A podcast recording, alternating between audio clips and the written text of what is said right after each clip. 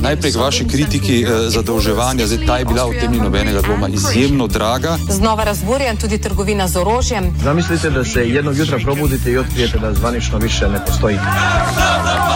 Otrokom so ponudili tradicionalni slovenski zajtrk. Stavka slovenskih vodovodarjev. Za otoke gre. Rok 6 namreč nadomešča dotrajane proizvodnje enote v termoelektrarni Šoštan. Med vodah smo dobili še eno politično stranko. Otrokom so ponudili tradicionalni slovenski zajtrk.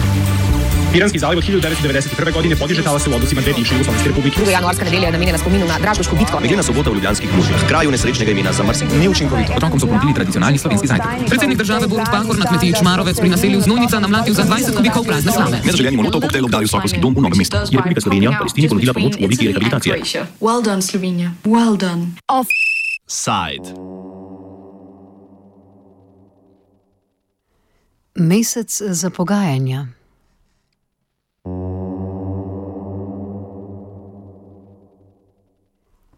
Zdravniški sindikat Fides je za 8. november napovedal stavko. Fides, ki je stavkovni odbor ustanovil že spomladi, je dal resorni ministrici Milojki Kolar Celarc mesec dni, da se poenoti sindikati, sicer bodo zdravniki in zobozdravniki delali maksimalno 40 ur na teden in opravljali le nujne posege.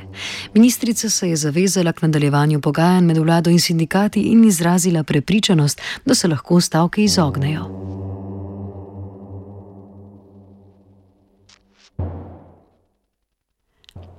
Prva stavkovna zahteva je sprejetje normativov in standardov, ki so jih sindikati zapisali v tako imenovani modri knjižici, opiše Konrad Kuštrin, predsednik Fidesa. Normativi in standardi veljajo samo za zdravnike in zobozdravnike na primarni, sekundarni in terciarni ravni. Vlada se strinja, da so potrebni, tudi dokazali smo, da so uveljavljeni v mnogih evropskih državah, imajo zdravniki celo v individualnih pogodbah podpisano, kaj morajo, kakšen je njihov obseg dela ker tudi naši standardi in normativi niso slovenski izum, ampak so bili prepisani iz nekih drugih standardov in normativov v razvitih državah. Tako da uh, vlada je seveda pristala na to, zdaj pa ne ve, kako bi to stvar napisala, da se kot člen kolektivne pogodbe, da bi se ji le bilo mogoče izogniti. In zadnjih pet pogajanj smo se pogovarjali samo o temu in smo predlagali tekst, ki je jasen, enostaven in razumljiv in na tem bomo ustrajali brezkompromisno. Stališča splošnih in družinskih zdravnikov situacijo piše predsednik sindikata Praktikum Igor Muževič, ki odločitve o pridružitvi k stavki še ni sprejel. Najpomembnejše je, da se spremejo normativi.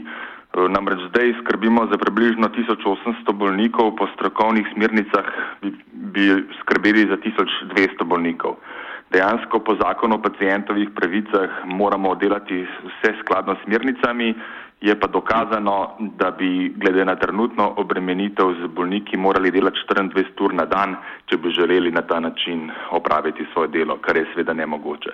Poleg tega so obremenitve takšne, da se novi zdravniki ne odločajo v zadostnem številu za družinsko medicino.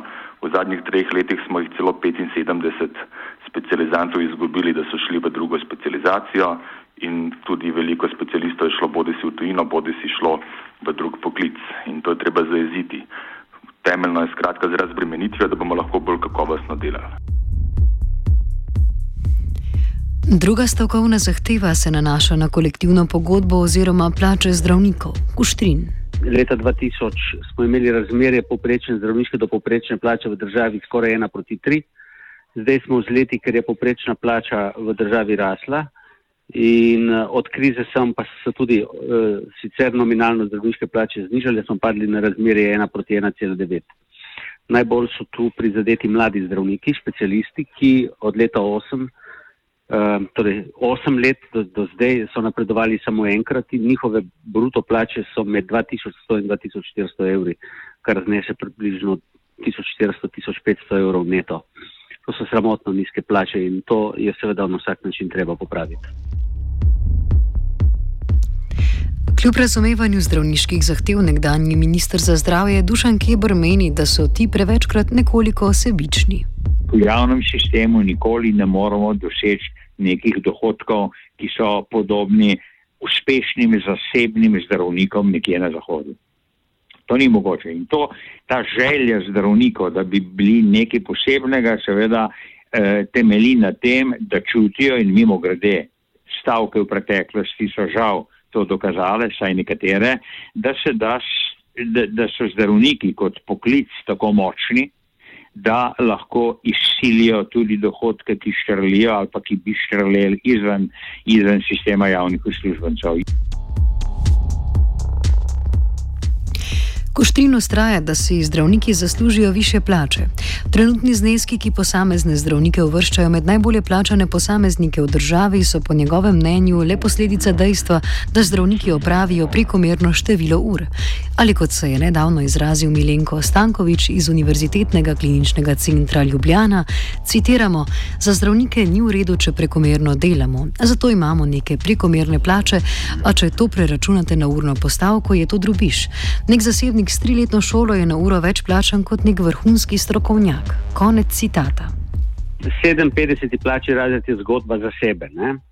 E, že zdaj bi tisti zdravniki, ki, delajo, ki so dosegli vsa napredovanja, ki imajo veliko torej delovno dobo preko 30 let in ki delajo na najbolj zahtevnih delovnih mestih, bi že od leta 2008 morali biti v 60. plačanem razredu. Pomeni, da je njihova plača zmanjšana za že 8 let za 12 odstotkov. To pa, da so si politiki rezervirali najviše plače razrede samo za sebe in funkcionarje, je pa nekaj neverjetnega in absurdnega. Ne?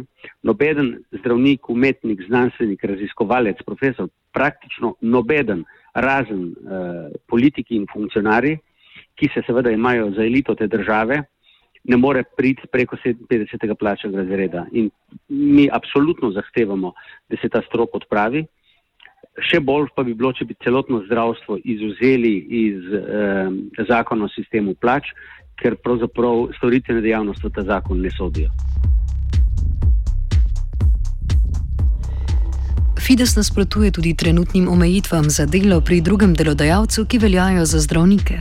Zakon o zdravstveni dejavnosti namreč predpisuje, da mora zdravnik zaposlen v javnem zdravstvu za usporedno delo v zasebnih ambulantah najprej pridobiti soglasje direktorja javnega zdravstvenega zavoda, kjer je zaposlen. Kuštrin ne vidi razloga, zakaj to področje ureja poseben zakon o zdravstveni dejavnosti konkurenčna prepoved je za vse zaposlene v državi urejena v zakonu o delovnih razmerih. Ne vidimo nobene potrebe, da bi bila za zdravnike urejena v kakšnem drugem zakonu. Dejstvo, da zelo veliko zdravnikov dela pri drugih delodajalcih, je pač realnost, zaradi tega, ker je popraševanje po zdravstvenih storitvah veliko in ker je javni zdravstveni sistem vseh teh storitev ne more zadovoljiti. Ne. Jaz ne poznam nobenega zdravnika, ki bi šel k kakšnemu delodajalcu in ga prosil, če ga zaposli. Vsi so naprošeni, da pridejo pomagati. Zato se mi zdi ta uh, ureditev pravzaprav celo škodljiva, kajti omejevanje dela pri drugem delodajalcu pomeni samo podaljšanje čakalnih vrst. V bistvu je to neka politična floskula, ki jo je zdaj vladajoča uh, garnitura dala celo v koalicijsko pogodbo, da se je treba boriti proti dvoživkam, s tem, da pa to, kdo dvoživke so, sploh niso opredelili. Keber, ki je vodil resorno ministrstvo v času Drnovškove vlade, pa je, ko se omenja možnost dodatnega dela javnih zdravnikov pri zasebnikih, previden kot nek splošen princip, da ima vsakdo pravico razpolagati svojim prostim časom. Ne morem pa načelno nasprotovati, da bi lahko zdravniki uh, delali v svojem prostem času kaj drugega, ampak vsekakor je pa to treba spraviti v kontekst z njihovo osnovno dejavnostjo, z odnosom do službe, ki je javna služba v dopodanskem času. In seveda tukaj se pojavlja potem tista tipična dvojnost, na katero naša država še ni odgovorila. Kaj pomeni dvojnost zdravnika, ki dela dopoldan v javnem sistemu, popoldne v zasebnem sistemu in kako lahko potem on pomaga na nek način, na korupten način, da pacijenti prehajajo iz obeh sistemov med sebojno. To je ključno vprašanje za me. Eh, ta dva sistema, če bi, če bi bila res v resnici ločena, eh, dokazano in nadzorovano ločena, kar pomeni, da mora tudi zasebni sistem imeti dober nadzor ne vem pa, če ga je država ta hip sposobna omogočati.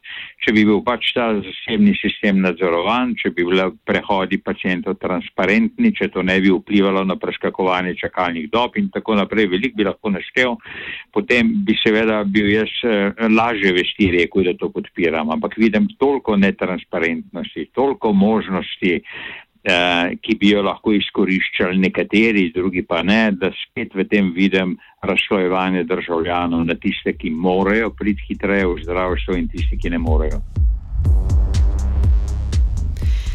Argument sindikatov, ki vidijo v možnosti zasebnega dela način skrajševanja čakalnih vrst, Kebra ne prepriča.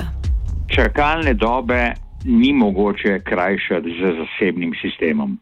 Čakalne dobe v zasebnem sistemu skrajša samo tisti, ki, zaseb, ki imajo denar, da si to lahko privoščijo to je pa manjšina prebivalcev po vsem svetu, gre za mehne odstotke, manj kot deset, praviloma manj kot pet odstotkov prebivalcev.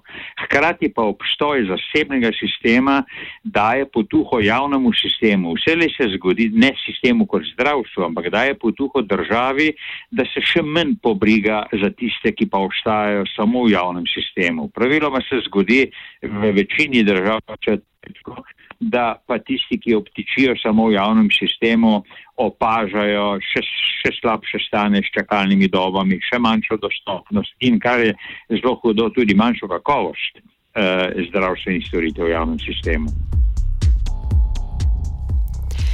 Sogovorniki se strinjajo, da je težava čakalnih vrst primarno v pomankanju denarja in kadra.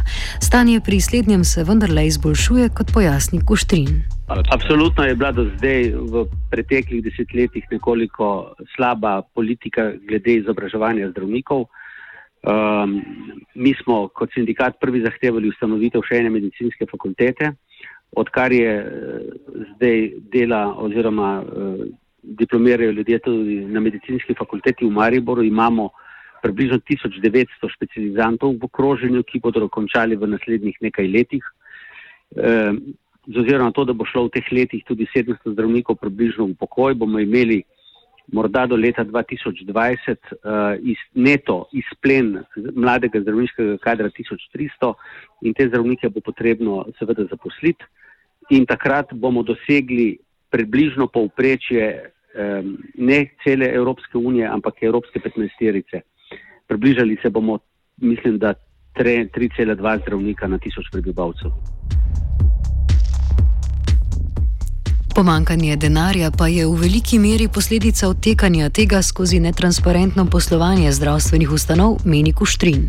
Vsak dan uh, je kakšna vest, ki govori o odtekanju denarja iz zdravstva. Prejšnji teden je v financah pisalo, kako ima klinični center uh, pogodbenega izvajalca za notranje transporte za milijon evrov uh, letno. Znane so afere z različnimi dobavitelji operacijskih misij in razne druge uh, zgodbe včerajšnja zgodba z preskakovanjem in plačevanjem čakalnih vrst. Ne. Torej, dokazov za to, da je odtekanje denarja zelo veliko, je ogromno in mi na to opozarjamo pravzaprav vse od ustanovitve sindikata. Vendar očitno eh, država nima resnega namena napraviti zdravstveni sistem transparenten, ker v njem mnogi eh, ribarijo, zgleda, da je kar uspešno in to ribarjenje v kalnem očitno nekaterim močnim eh, posameznikom in še močnejšim Eh, skupinam odgovarja. Kebr se strinja, a ustraja, da tukaj idealnih rešitev ni. Prav tako meni, da sama država ne premore dovolj moči, da bi v kratkem obdobju poskrbela za številne težave, ki pestijo slovenski zdravstveni sistem. Nedvomno se veliko denarja porabi na neučinkovit način in tudi za, na, na, na korupten način pri čemer nekateri tudi v svetu in tudi za lasne države in to ne samo za tiste nerazvite, ampak tudi čist sodobne, bogate države pravijo, da v javnem sistemu gre lahko do 30% denarja. Ne bomo temu rekli prvo za čisto korupcijo, ampak na neučinkovit način dela v javnem sistemu. In tukaj seveda so rezerve. Ampak ne moramo pa pobegati in skrat ne more biti ne more biti pa odgovor, če bi pa to vse počistili, ker stoprocentno to želim povedati, tega ne more narediti v nobeni državi. In mimo grede največ opazate, da v drugih eh, sistemih v naši državi potekajo enaki procesi, da imamo nenehno odprte, od, odprta vprašanja, ali so razne investicije narejene na, na najbolj učinkovito možen način in praviloma vse te o, afere, ki jih razgrinjamo, pa nikoli ne razčistimo, govorijo ravno o tem. No, ampak vse to ne more biti odgovor, da imamo mi objektivno bistveno manj denarja na državljana, kot naprimer nekatere države, s katerimi se hočemo primerjati. Offside je pripravil Antun.